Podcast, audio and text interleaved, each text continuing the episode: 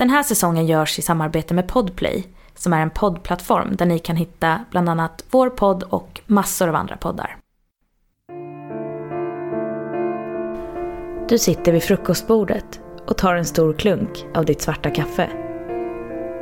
Den bittra välbekanta smaken sprider sig i din mun och den varma känslan och lugnet lägger sig i bröstet.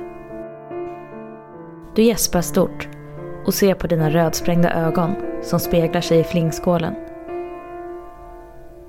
Då avbryts din lugna stund av att din lillebror sticker in huvudet i köket. Han låter exalterad och utbrister att ert område finns med på bild i tidningen. Du gäspar igen och loggar in på en nyhetssajt för att se vad det är han pratar om. En av nyhetsrubrikerna stirrar ilsket tillbaka mot dig. Djurattack i idylliskt villaområde söder om Stockholm. Ung man har avlidit. Du läser igenom artikeln med en obehaglig känsla i bröstet.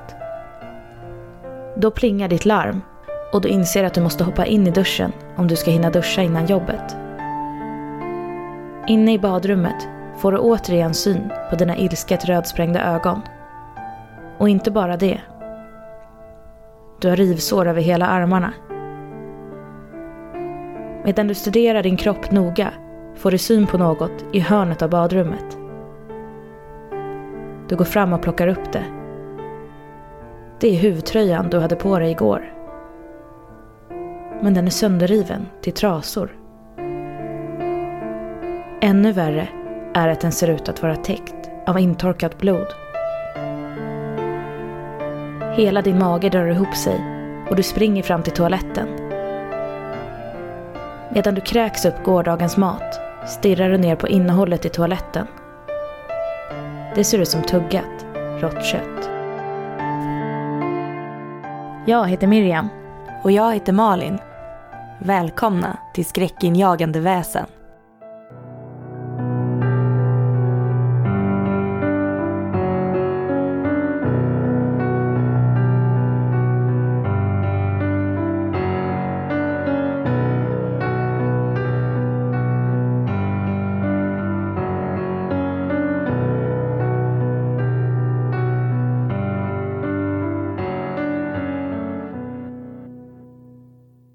Hej och välkomna till Skräckinjagande väsen. Den här veckan ska vi prata om ett väldigt önskat ämne, nämligen varulvar. Och det finns ju så otroligt mycket fakta och information om just varulvar. Det har varit svårt att välja ut vad vi vill ta med. Så eh, vi tänker att ni ska veta att det här inte på något sätt är en fullständig genomgång av varulven utan vi har valt ut några delar som vi tycker är intressanta och relevanta men men det finns ju ofantligt mycket mer och det finns nog många av er som kan mycket annat också. Nej men precis som du säger så hade ju vi kunnat göra, jag vet inte hur många olika avsnitt om varulvar. Så att vi har ju bara valt ut ett litet axplock idag. Men vi går väl direkt in på faktan. Och precis som vanligt så hittar ni länkarna i avsnittsbeskrivningen.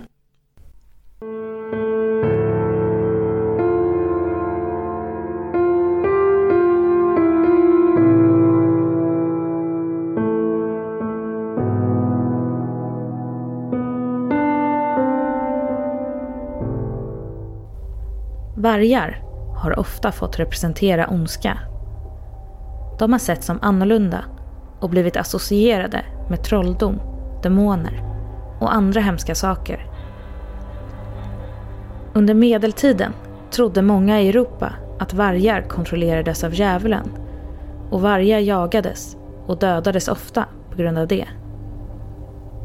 Hade du epilepsi eller olika former av psykisk ohälsa kunde du rent av bli anklagad för att vara förklädd varg och dömd i rätten. Enligt gammal armenisk folktro finns det kvinnor som blivit dömda att leva som vargar i sju år. Det här sägs kunna ske när man begått dödliga synder. Enligt olika berättelser får den syndande kvinnan då besök av en ande som beordrar kvinnan att dra på sig ett vargskinn. När hon gör det känner hon sedan en galen lust för människokött. vilket får henne att äta upp sina egna barn. I det som idag räknas som norra Polen trodde vissa förr att om en bebis föddes med hår på huvudet eller med stora födelsemärken så skulle barnet vara kapabel till att byta skepnad till olika djur. Och man trodde att hamnskiftare nästan alltid föredrog att vara vargar. I Skandinavien har vi också fruktat vargen. Jägare kunde iträda sig vargskinn där de jagade, både för att lura vargar och för att inte själva falla offer för vargen. Det fanns också vissa myter kring att man får vargens kraft om man bar varghud. Men hur började vi tala om just varulvar? Vissa tror att sjukdomar som rabies och porfyri är grunden till att historier om varulvar har uppkommit. Det är på grund av att en del symptom kan likna drag hos vargar. Men även att några sjukdomar ger vanföreställningar. En varulv är en person som kan hamnskifte, alltså byta kropp, till en grå varg eller en vargliknande varelse. Detta är ofta någon form av förbannelse och gör att de genomgår skiftet när det är fullmåne. I gamla berättelser finns det många tips om hur man upptäcker att någon är en varulv för att man ska kunna skydda sig själv. Men hur upptäcker man då att någon i själva verket är en varulv? Det finns som sagt många sätt att kunna upptäcka det. Och de flesta har kunnat förklaras idag. Några tecken är om personen har röda, vassa naglar, är extremt stark, har ett långt ögonbryn istället för två, är väldigt blek, har orangeaktiga ögon, vandrar runt mycket precis innan solen går ner och mer därtill. Det finns också motsatsen, alltså berättelser om hur man själv kan bli en varulv. Ett sätt ska vara att klä av sig och sen ta på sig ett bälte gjort av vargskinn. Ett annat är att äta en varghjärna. Vissa tror också att det finns en speciell salva som man ska kunna gnida över kroppen. Vilket ska göra att du börjar förvandlas. En av de vanligaste legenderna är att man ska dricka vatten ur ett djurs fotspår för att sen kunna påbörja förvandling till djuret. I Ryssland har man trott att ett barn som föds den 24 december kommer att bli en varulv. Det är också ärftligt, så är båda föräldrarna varulvar bör även barnet bli en varulv. Om du har upptäckt en varulv i din närhet finns det några sätt att gå tillväga. Det ena är att försöka ta bort bältet, eller djurhuden, som gör att personen kan förvandlas. Ett annat är att skjuta eller hugga personen i hjärtat med något gjort av silver. Man kan också spilla exakt tre droppar av personens blod. Eller nudda personen med något av metall. Vilket av de här som fungerar är än så länge ovisst. Man tror också att varulvar hatar doften av växten stormhatt och kommer att undvika dem. Stormhatt har ibland kallats för ulvatand just på grund av detta. Så ett sätt att skydda sig kan vara att ha växten nära till hands.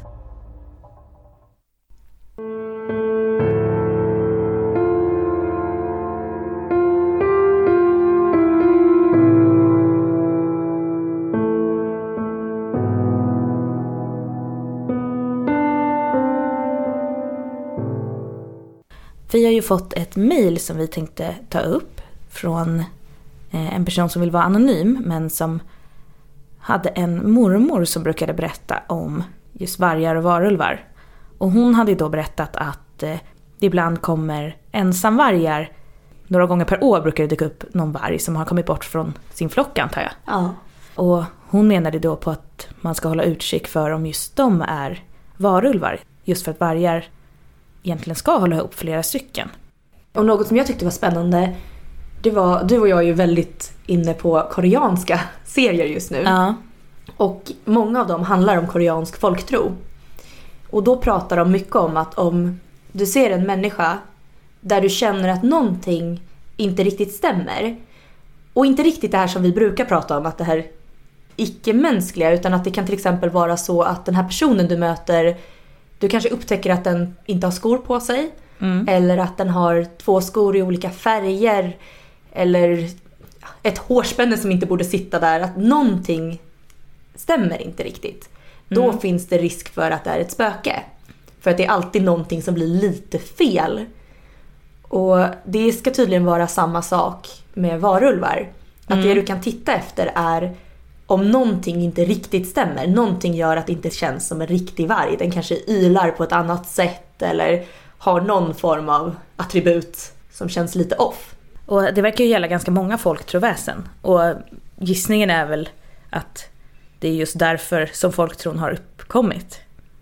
Att man ser något djur som är lite, skiljer sig lite från hur de brukar se ut eller så. Det låter ju väldigt troligt. Eh, dessutom så pratade vi om det här med, alltså vargen har ju alltid varit väldigt fruktad bland människor. Mm. Både, alltså, jag kan tänka mig att framför allt för att den attackerade boskap som var matkällan. Mm. Eh, och då var det ju tabubelagt att benämna vargen vid namn. För vargen heter ju egentligen ulv. Och själva namnet varg är ju ett så kallat Noa-namn. Mm. Det vill säga ett namn som man använder eftersom namnet ulv är ett så tabubelagt, tabubelagt och eh, olycksbringande. Och då döpte man om den till varg som betyder dräpare eller tjuv på gammelsvenska. Man kunde ju även kalla den för gråben eller den gråe för att man inte skulle locka på ulven. Och det är ju verkligen ett bevis på hur skräckinjagande vargen alltid har varit. Så jag förstår att det har uppkommit de här äh, varulvsmyterna som har gjort den ännu läskigare. Ja, det blir ju läskigare. Det, tydligen så fanns det ju så här med djävulen och så också, att man ska säga hinhåle och det här. Jo, det tydligaste exemplet som jag brukar ta med mina elever det är ju Voldemort från Mm. Harry Potter. Att du får inte säga hans namn, för då kallar ju du på honom och han vet vart du befinner dig. Mm. Och det låter som att det är lite samma tankar i folktron bakom just namnet Ulv. Att du lockar på ulven genom att säga det namnet. Just det. Jo men antingen det eller att man liksom jinxar det på något sätt. Precis. Ja, vi läste ju också att eh, man trodde att, att om en kvinna var gravid och skulle föda så kunde man ju dels kanske ibland ta till metoder för att det skulle göra mindre ont. Eller om det fanns andra olycksbådande saker som hände, typ att katter stirrar på vaggan eller något sånt där. Då kunde pojkar födas som varulvar, men flickor föddes som maror. Och det var alltså just i Sverige som man har trott det här. Jo, för att knyta an till det vi pratade om med att eh, de kanske ser lite annorlunda ut. Så sa man ju också att eh, det var inte nödvändigtvis att det en varulv blev en varg. Det kunde ju kanske bli en björn eller en hund eller något annat. Så vi funderade ju lite på hur det kommer sig just med själva varulvsmyten och att den har liksom börjat... Man tänker i, i serier och så idag tycker jag att de liksom mindre och mindre liknar vargar egentligen. Mer och mer i form av stora bestar. Det känns som det hade gått lite upp och ner tycker jag. Att Mm. jag tycker att nu på senare tid har det kanske gått tillbaka lite mer till att de ser ut som just vargar. Ja. Jag tänker med Twilight, nu var det ett par år sedan. Ja. Men även True Blood och de här serierna, där är de ju som stora mäktiga vargar. Men dock vargliknande, de springer på alla fyra. Mm. Medan åren innan det, då känns det som att det var väldigt mycket, de gick på två ben och var verkligen, ja men som du säger, bästar. Och det kommer väl från att i vissa fall har man väl trott att det har varit en ja men, hamnskiftare, att de verkligen har förvandlats till vargar och det är det som är en typ av varulv. Och i andra fall så har det väl varit människor som, som vi pratar om i faktan som kanske har varit sjuka eller sett annorlunda ut som man tror genomgår någon form av förvandling. Jag tänker att det blir lite skillnad där kanske. Ja, jag tror att du har helt rätt där. Jag tror också att det är här som så många saker möts också. För här finns det ju Wendigon bland annat, Skinwalker. Alla de här är ju väldigt lika varandra och möts i vissa delar i folktron. Och jag kan tänka mig att det är där det har blivit lite uppdelat också. Att man har plockat saker från lite olika delar och satt ihop sin egen syn på varulven. Vi ska som vanligt läsa ett inlägg från Reddits underforum No Sleep. Och det här inlägget är översatt av oss. och skrivet av Sam Haysom. Och vi har översatt del 1 av den här historien. Men om ni vill gå in och läsa sen så finns det även en del 2 och en del 3. Ja, och länken till den här texten finns i avsnittsbeskrivningen.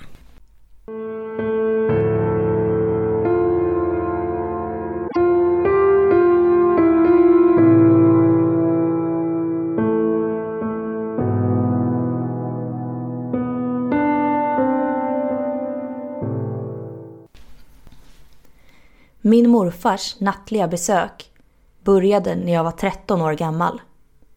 Det var ganska många år sedan nu. Men det hela slutade ganska nyligen. Och jag minns fortfarande den första gången det hände. Det var lov, så jag var ledig från skolan. Och min mamma var sjuk. Att min mamma var sjuk var inget jag tänkte så mycket på på den tiden.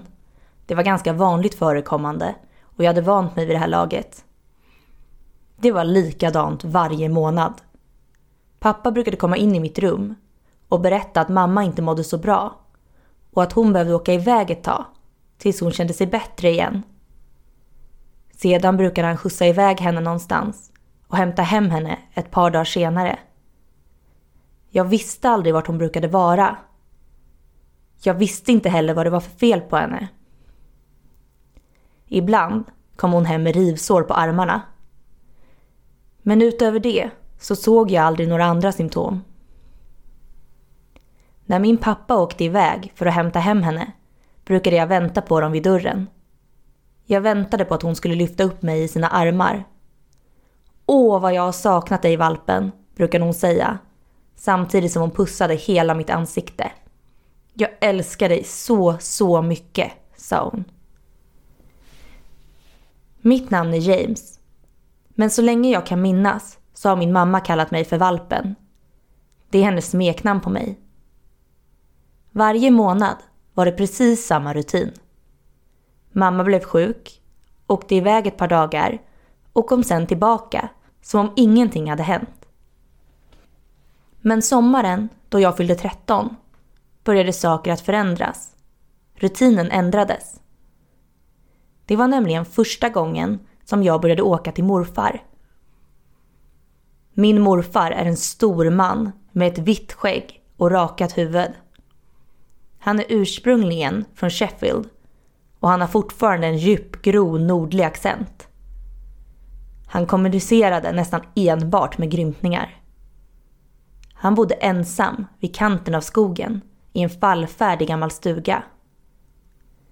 Vi träffade honom nästan aldrig när jag var liten och jag fruktade de gånger vi väl gjorde det. Han skrämde mig. Jag var dock inte längre rädd för honom när jag fyllt 13. Eller det var i alla fall vad jag intalat mig själv.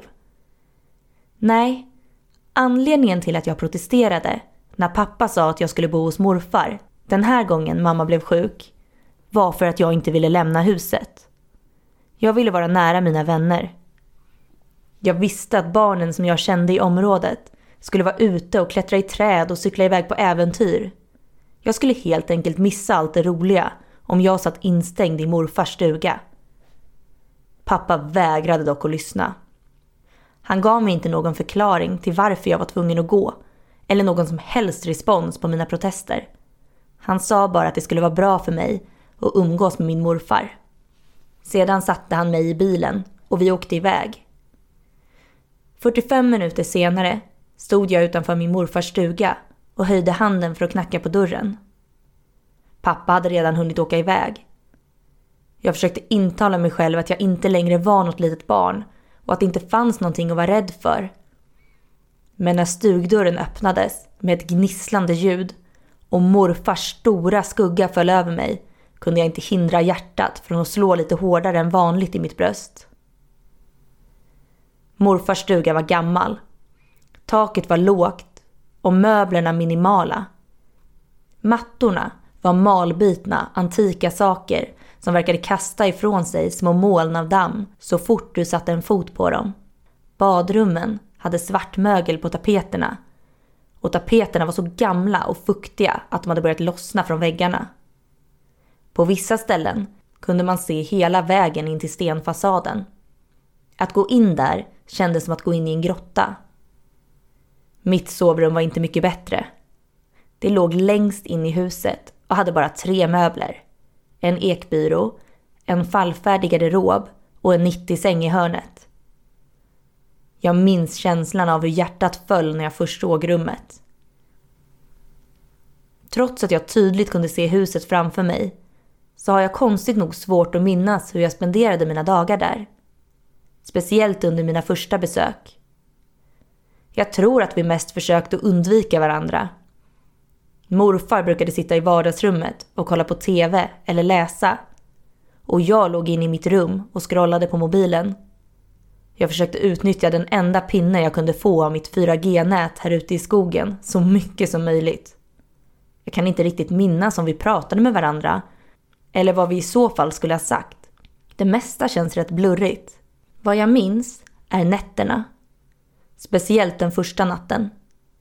Jag sa till morfar att jag var trött och tänkte gå och lägga mig tidigt. Han grymtade något till svar. Jag la mig i rummet och kollade Snapchat och Youtube en stund. Videorna tog smärtsamt lång tid på sig att ladda innan jag till slut somnade. Mitt i natten vaknade jag. Det var helt tyst i stugan. Det enda jag kunde höra var björkträdens blad som prasslade i vinden ute på baksidan. Månljus lyste in genom en glipa i gardinerna. Jag lutade mig fram för att se vad klockan var på min mobil. Den var strax efter två. Jag kände mig konstigt nog klarvaken. Mitt hjärta slog hårt i bröstet och jag var täckt i svett. Som om jag precis hade vaknat från en mardröm. Men om det var så, så kunde jag inte minnas den. Jag försökte slappna av och la mig ner för att försöka somna om igen. Men det var ingen enkel sak att slappna av i morfars gamla stuga. Först kunde jag bara höra ljudet av löven utanför fönstret. Men nu när jag låg ner på kudden och stirrade ut i mörkret började jag höra andra ljud också. Det dova ljudet av en golvplanka som knakar. Lätta slag. Ett avlägset rasslande ljud som jag antog var rören i väggarna. Jag hörde andra ljud också. Ljud som var svårare att placera. Vid ett tillfälle hörde jag något som lät som ett svagt snusande ljud ute på baksidan.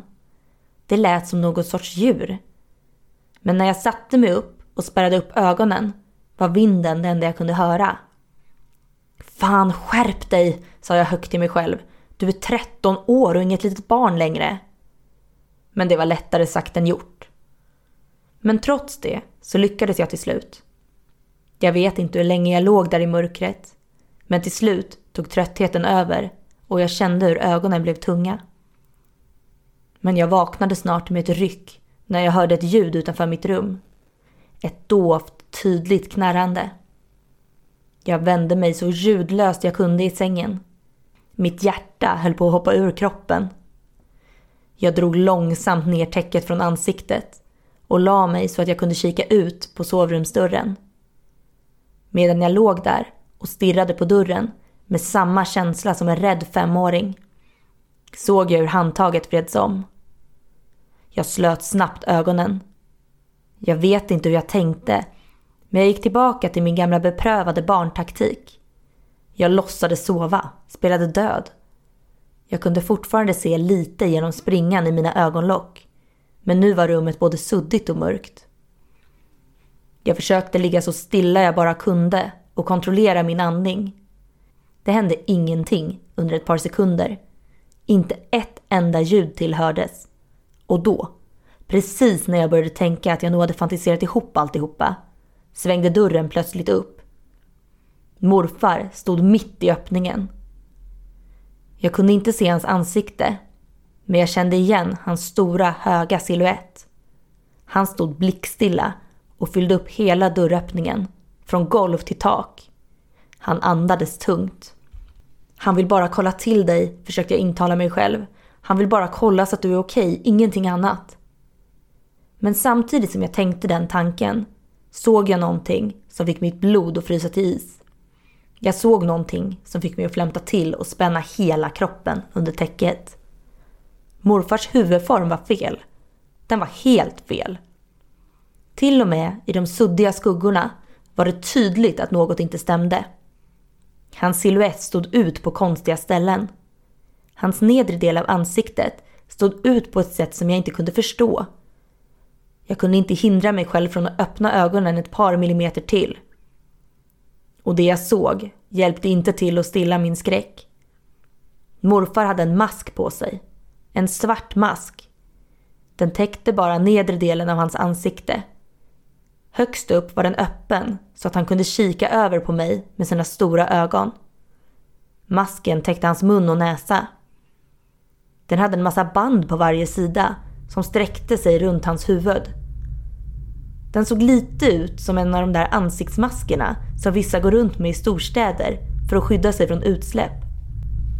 Jag stängde ögonen helt igen och tvingade mig själv att långsamt andas in och ut ett par gånger.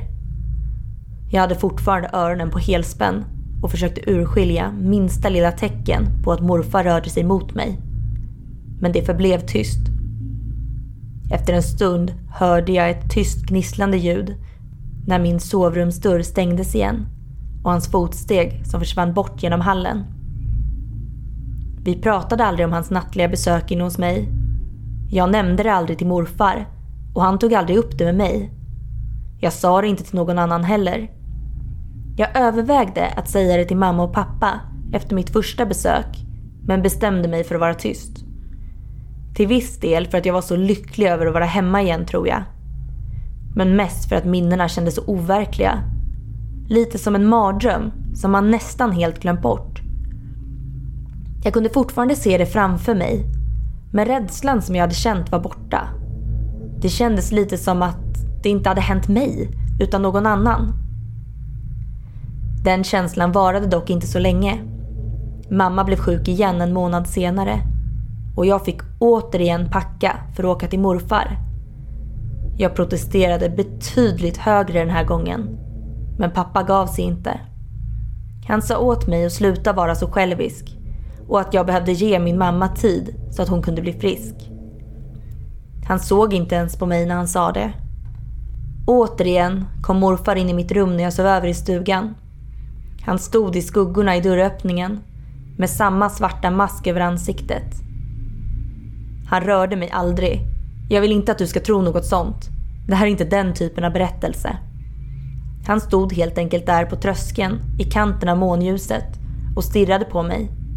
Och efter en stund gick han igen. Den här ritualen upprepades varje gång jag besökte morfar. Det har hänt varje månad i tre års tid nu. Och det var inte förrän igår som jag fick reda på sanningen. Igår, när alla bitar äntligen föll på plats. Jag började bli sjuk runt min 16-årsdag. Jag var svag och trött, helt utan energi. Hungrig precis hela tiden. Jag fick prickiga utslag på kroppen också. Och alla mina muskler gjorde ont. Det var sommar så jag var ledig från skolan och kunde ligga i sängen hela dagarna. Jag låg där i sängen, halvsovande och drömmande. Drömmarna kändes levande och konstiga. I dem var det natt och jag sprang. Jag sprang så fort jag bara kunde genom skogen. Snabbare än jag någonsin hade sprungit förut. Månen hängde ovanför mitt huvud och den lila svarta himlen och dess ljus lyste upp som en spotlight på mig. I slutet av drömmen snubblade jag alltid ut i en glänta. Jag kunde se morfars stuga och just som ytterdörren började öppnas vaknade jag upp i min egen svett. Igår kväll kom min pappa in i mitt rum. Han satte sig på min sängkant och berättade att mamma också var sjuk och att han behövde åka iväg med henne ett par dagar. Han sa åt mig att försöka vila så mycket jag kunde. Men när jag frågade när han skulle komma hem igen svarade han att han inte skulle komma hem. I alla fall inte på ett par dagar. Han sa att han skulle komma hem när mamma mådde bättre igen. Under tiden skulle morfar komma och se efter mig. Det var då jag tappade det. Jag var för sjuk för att orka bli tillräckligt arg på honom. Men jag gjorde mitt bästa. Jag skrek och skällde. Jag sa åt honom att jag inte ville att min jävla morfar skulle komma och bo hos mig. Jag ville ha min mamma och pappa. Jag anklagade honom för att överge mig och sa att jag hatade honom. Han satt bara där tyst och tog in allt. Killen såg tröttare och äldre ut i det ögonblicket än jag någonsin sett honom tidigare. Och när jag äntligen var klar, när min hals var så öm att jag inte längre kunde skrika, sa han något till mig. Något som var början på ett samtal som jag aldrig kommer att glömma. Jag vet att du inte förstår varför jag gör så här nu. Men du kommer att förstå. Snart. Morfar kommer att förklara allt för dig. Jag suckade och lutade mig tillbaka mot kuddarna. Helt utmattad. Jag vill inte att den där jävla gubben ska förklara någonting för mig pappa. Jag vill att du stannar. Det vet jag att du vill James. Men jag kan inte stanna här. Inte just nu. Det är inte säkert för mig. Jag spärrade upp ögonen och stirrade på honom. Plötsligt oroad. Vad menar du med att det inte är säkert? Är jag smittsam eller något? Nej, nej, han skakade på huvudet. Det är ingenting sånt. Det är bara det att, att vissa tider på månaden så måste jag...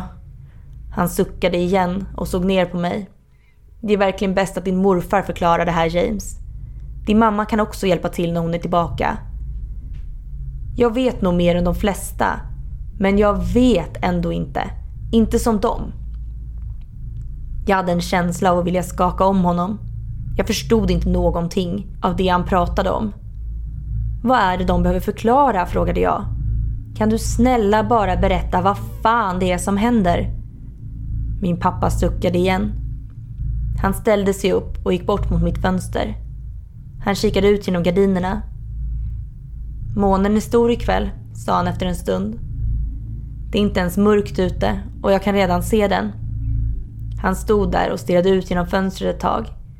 Sedan vände han sig om igen och tittade på mig. James, du vet ju att din mamma blir sjuk varje månad, sa han. Och att hon måste åka iväg ett tag tills hon mår bättre. Jag nickade. Självklart visste jag det. Okej, okay, um, anledningen till att hon måste åka iväg är för att hon har en, en ovanlig sjukdom. Skoven kommer bara lite då och då och de är lätta att förutse. Men det är också det enda du kan förutse. I hennes ålder kan det... Um, din mamma tycker att det är svårt att göra vissa saker antar jag. Det blir svårare för henne att bete sig på ett visst sätt. Vad är det hon har? Din morfar kan förklara det bättre än jag. Men varför ska han förklara det? Varför fan kan inte bara du säga det? För att han också har det, sa pappa. Jag förstår inte varför inte du kan... Jag tystnade och försökte ta in vad min pappa just hade sagt. Vänta, sa du just att morfar också har det? Jag stirrade på honom, osäker på om jag hade hört rätt. Jag, jag har... Ja, det har du. Men det är ingenting dåligt direkt. Men det är någonting som måste bevakas. Din morfar har levt med det under många år. Han vet allt om det. Han kommer att kunna hjälpa dig. Jag hörde blodet susa i öronen. Tankar och minnen började pressa sig fram i mitt medvetande som argsinta hundar. Jag pressade bort dem och fokuserade på pappa. Är det därför du har skickat iväg mig till hans stuga varje månad? Så att jag skulle kunna lära känna honom bättre. Så att han kunde hjälpa mig med vad fan det nu är jag har. Pappa tittade på mig med ledsna ögon. Det var inte min idé, sa han efter en stund. Din mamma insisterade på att det var bäst för dig och morfar höll med. Nu när du har blivit äldre, är det bra för dig att umgås med äldre av er? Nå, som jag sa, morfar kommer att förklara. Jag höll tillbaka ett infall av att skrika på honom igen. Jag förstod fortfarande inte riktigt vad i helvete han pratade om. Eller i alla fall så förstod inte majoriteten av mitt medvetande. Samtidigt började något hända långt bak i mina tankar. Bilder och minnen cirkulerade runt i utkanten av min hjärna. Precis utanför mitt medvetande. Monster runt en lägereld. Jag svalde. Du sa att det inte var säkert för dig, sa jag efter en stund. När mamma blir sjuk. Du sa att du inte kunde vara med henne. Pappa stannade upp och nickade. Hur är det med morfar? Är det säkert för dig runt honom? Pappa öppnade munnen, men stängde den snabbt igen. Han rynkade pannan. Din morfar är bättre på att eh, hantera symptomen, sa han till slut. Han har haft längre tid på sig att vänja sig än vad din mamma har haft. Men nej, jag skulle fortfarande inte vara säker. Inte helt. Så varför är det säkert för mig? Jag fullkomligt exploderade. Varför skickade du iväg mig för att bo med honom varje månad? Är det därför jag har fått den här jävla skiten? Nej, nej, nej, nej, nej. Jag sa ju att det är genetiskt. Du föddes med det. Och din morfar skulle aldrig skada dig. Vi tog till och med extra säkerhetsåtgärder de värsta nätterna. Jag insisterade på det. Vi såg till att du aldrig... Min pappas röst försvann. Minnena som cirkulerade precis utanför mitt medvetande började närma sig och jag kunde nu se dem. Det kom ut som skuggor och tog eld, visade sig. En barriär av bilder och minnen rusade genom mitt huvud.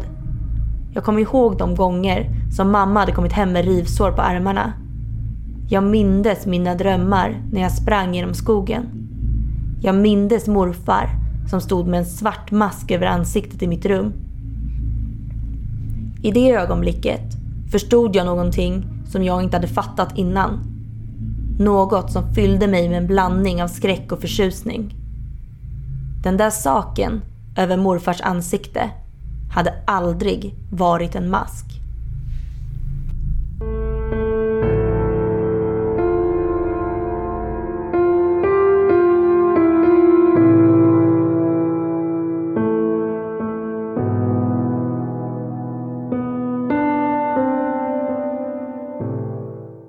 Ja, det var allt vi hade om varulven den här veckan. Nästa vecka så ska vi ta upp ett ämne som vi egentligen lovade för en hejdundrans lång tid sedan. Eh, och det är att vi kommer att bege oss till Chile och berätta om en varelse därifrån. Jag och Malin var ju nämligen i Chile vid årsskiftet förra året och eh, tog del av en hel del spännande folktro därifrån. Så om ni vill nå oss innan dess så heter vi skräckinjagandevasen.gmail.com eller så heter vi skräckinjagande väsen på Facebook och Instagram. Tack för att ni har lyssnat och vi hörs nästa vecka. Hej då!